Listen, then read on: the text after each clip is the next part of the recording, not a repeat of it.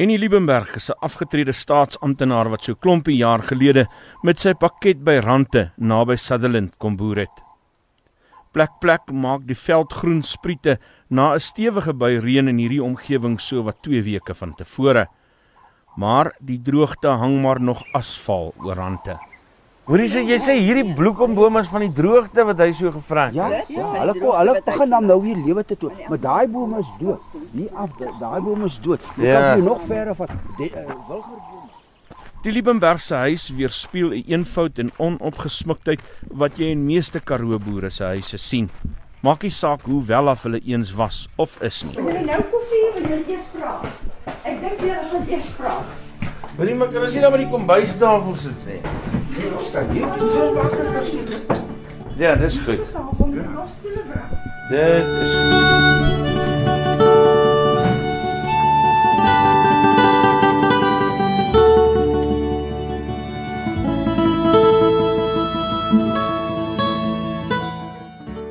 is geen twyfel nie, sê Henny. Die droogte het die Karoo behoorlik gebreek. Hy self is omtrent al uitgeroei deur die droogte. Sy vinger gly af langs die reënvalsyfers wat hy al vir baie jare in sy verweerde ou dagboek aanteken. Hier op die plaas 2011 402, 2012 320 mm, 2013 238 mm, 2014 236 mm, 2015 218 mm, 2016 218 mm, 2017 94 mm en 2018 115 mm en 2019 tot vandag het ek vanoggend hier gekyk. Uh waar trek ons nou?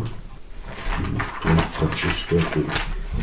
20 19 tot vandag toe het ek het ons 92 mm gehad. En as jy enigsins daaroor twyfel, het hy die syfers byderhand van hoeveel lucerne hy elke jaar oes. 2015 het ek 1965 bale afgehaal. 2014 1700, 2015 1024 bale. 2016 1018, 2017 1078, 2018 651 en 2019 kon ek net 410 bale afhaal. Omdat omdat die reënval so drasties afgeneem het. En daai voer moet jy vir jou lammers gee en vir jou dragtige oeye want as hulle nie voer kry nie word daai lammers nie groot skaap nie hulle bly sulke klein biksies en hulle gaan nie uh, jy kan nie aanteel met hulle nie Die boere het nou geen ander keuse meer as om hulle kuddes te voer nie. En dit is waar die meeste boere knak, sê Marinus Blom. Dis normaal. Daar's altyd 'n tyd in 'n jaar wat ons 'n bietjie voer moet gee. Maar soos ons nou voer gee, onafgebroke vir 4 jaar, dit is ongeken. Dit was nog nooit so nie. My voerrekening het op 'n stadium by by 100 000 rand 'n maand gedraai. Dis 'n eenman saak. My loonrekening hardloop 30 000 rand 'n maand want jy het baie mense nodig om voer te gee want dis 'n klomp punte wat jy moet uitkom op 'n dag. Die ligdag is net so lank. Die diere kom nie wind. Hy's nog een van die gelukkige boere wat homself tot 'n mate kan help. Ek onthou ek vleisarts, ek kan nie net voer om in die lewe te bly nie. Ja. Ek moet voer om te produseer. 2017 Desember, toe scan ek soos in toe mis ek 'n oes omdat ek te min voer gegee het. So, ek kan nie net voer om in die lewe te bly nie. Ek moet voer om op produksie te bly. Ah, okay.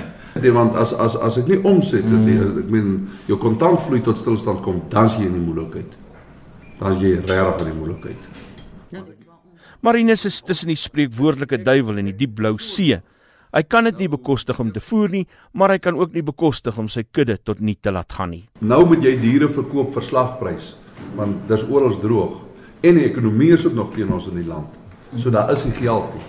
So jy jy jy jy, jy gee basies jou oeye weg. Maar die dag as dit gereën het en ons het algemene reën in die land gehad en die landbou begin tel op, dan gaan jy jou ore van jou kop af betaal om weer weer teelmateriaal en vroulike materiaal weer in die hande te kry. Okkie Miller vertel van 'n vriend wat met dieselfde dilemma sit. Hy sê kan dit nie bekostig om my genetika te verloor nie. Maar hy is finansiëel sterk genoeg om my koop pri- privaat links vol voer vir homself aan pille en bale en alles mm. om daai klomp in die gang te hou, mielies alles. Sy argumente daai daai ooi is R4000 plus per ooi werd vir hom. Maar as die ding lank aanhou, dan gaan selfs so man gaan later nie die finansies hê ja. om daai daai tropskaap aan die gang te hou. Dit is waarom boere so naarstiglik soeg om hul kuddes te behou, selfs al moet hulle opvoere op staat maak. Dis 'n hartverskeurende prentjie om 'n kudde uitgeteerde skape agter 'n bakkie te sien aanhardloop vir 'n lekseltjie voer, sê Jan van Wyk. En dit moet nou maar duur. Dit moet nou nie net die voer nie. Dit moet nou brandstof elke dag. Waar jy aanvanklik mos iets elke dag vir te kry, dit moet jy nou elke dag ry. En dan gaan voer jy. Gaan gooi al die kampe weer na ry. So waar jy dit mos gewoonlik 'n boer los mos sy skape. Die week of so, twee week. As die skape in die kampe loop, dan maak jy weer mekaar en kyk. Maar nou nie. Nou is elke dag se ding. Mm. Dit is nou elke dag se storie, jy moet elke dag ry. En die brandstof en goeders uh ja, maar ook nie maklik mos kom maar. Brandstof is maar duur dan.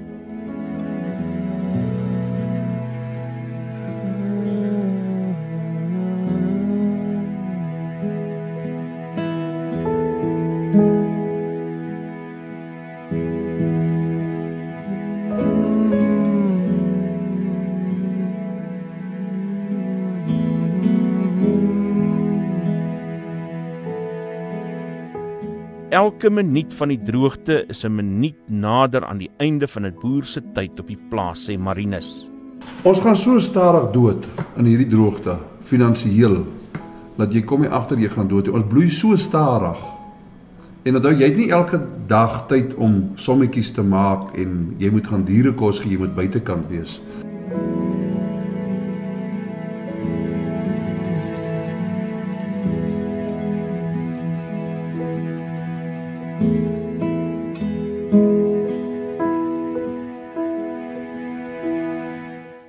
Saam met die naderende einde kom daar 'n groeiende drang na oorlewing wat dreig om jou na binne, na dieselfde te laat draai, voeg Marinus by. Ongelooflike onmin en en omdat dit gaan oor oorlewing en wie gaan hy laaste bietjie vloeistof drink om te oorleef. Ek meen ons gaan ons gaan daai bekertjie gaan ons trek. Jy gaan hom rem na jou kant toe die sterkste gaan oorwin. Mense kry tunnelvisie en ons almal kry ewe swaar. Um ek meen jy kan nie sê ek kry swaarder as ander ou nie want hoe gaan trek jy daai lyn om te sê ek kry finansiëel swaarder as jy?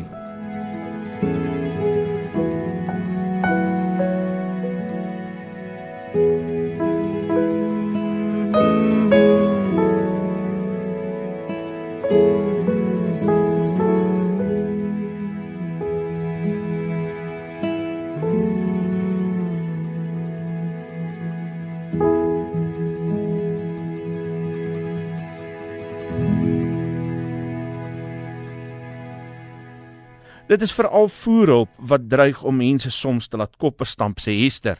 Hier is nie 'n boer in die Karoo wat op hierdie stadium nie getraumatiseer is as gevolg van die ja, nie. So ons reaksies is nie normaal nie.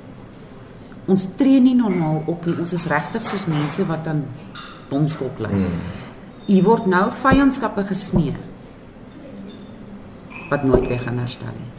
Abra van Wyk vertel hoe maklik die droogte maak dat jy iemand op sy baadjie takseer. Ek nou is dis ook al weer seker 'n jaar terug. Kom ek by die jong boer. Ek sê eers lyk like my dis lekker nuwe bakkie wat jy dan nou gekoop het so so in die droogte. Ek sê my jou ander een dan nog eers baie kilos opgehad. Ek sê vir my ek moes daai bakkie verkoop. Ek was so in die knyp gewees om voer te kon koop, moes ek my bakkie verkoop want hy's afbetaal. Hy het die baie kilos op. Mm. So ek kon 'n redelike prys vir hom gekry. Nou het ek een op 'n huurkoop gekoop. Dis die bank se bakkie. So ek hoop nou maar dit reën andersins gaan ek ou hulle hom ook kom al laat. So baie mense kyk nou vas en sê jy's lyk like die ou te nuwe bakkie. En toe ek daar besef, moenie 'n ou te vinnig oordeel nie want jy weet nie wat regtig waar die rede is hoekom hy gedoen het wat hy doen nie. Geloof bemoeilik ook sake in 'n gemeenskap so Sutherland waar die organisasie Gift of the Givers van Dr Imtiaz Suliman droogtehulp lewer deur voer aan te ry. Die meeste boeregemeenskappe is diepgelowige Christene in die gereformeerde en ook Pinkster tradisies.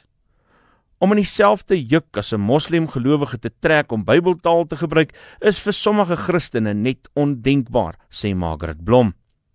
Want ek persoonlik is baie dankbaar vir wat Gift of the Givers al gedoen het vir Sutherland. Maar dat dit verskriklik onmin en drama veroorsaak. Ehm um, en hoekom dit so veroorsaak gaan my verstand te bowe. Ek kan dit verstaan nie want ek sal vir Gift ewig dankbaar wees. So sy vrou is Marinus ook dankbaar oor Gift of the Givers se hulp. Hulle help ons. Gift of the Givers is internasionaal bekend. Hulle het vir my gevra om hulle geloof aan te neem sodat hulle my kan help. He. So ek beskou hulle party en te ek self is 'n Christen, maar ek ek dink hulle is hulle is party en te beter as ons. Want hulle gee. Hulle vra nie wat is jou geloof nie. Hulle vra nie iets vir iets nie. Wat die gemoedere verder broos maak, is die feit dat Sutherland se bure net ander kan die grens in die Wes-Kaap droogtehulp by die regering kry. Dis 'n bitterpil vir die Noord-Kaapenaars en die Oos-Kaapse boere om te sluk, sê Marinus. Dit is onregverdig. Ek meen dit is mos nie regverdig dat ons grens teen die Wes-Kaap. Ek meen die Wes-Kaap kry regeringshulp hmm. van provinsie af en die Noord-Kaap kry net nie hulp nie. Ek meen hulle kry 22000 rand 'n maand. Hulle het op 'n stadium 40000 rand 'n maand gekry. Maar die gemeenskap sit nie stil nie. Hulle werk hard daaraan om hulself te help te midde van die probleme, vertel die man die Simington van Save the Sheep projek. Dit is 'n projek wat gestig is deur Sibyl Visagie. Ons het begin hoofsaaklik het hulle die, die dames begin om skapies karakters te hekel en te brei. Jy kan sien op ons Facebookblad is daar 'n hele paar fotos van dit. Um ek dink die reeks bestaan nou al uit 31 karakters.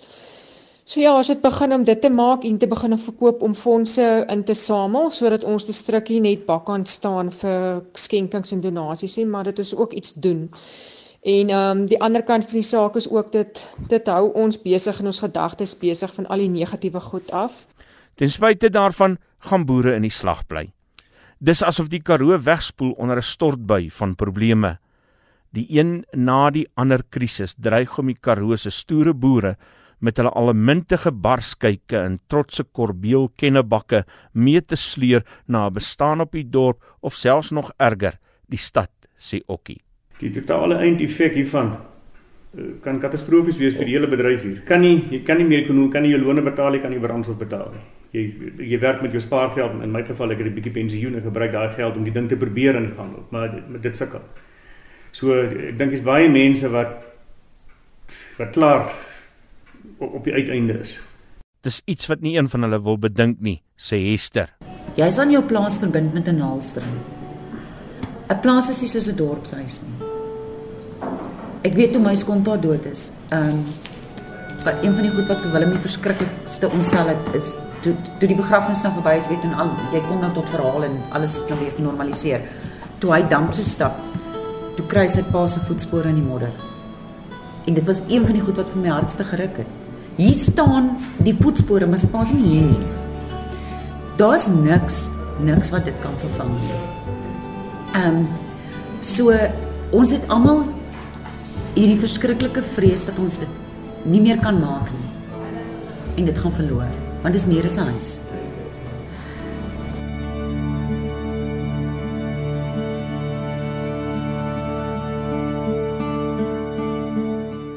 Dit was Hester Obermeyer van Sutherland. Isak Du Plessis vir SAK nuus.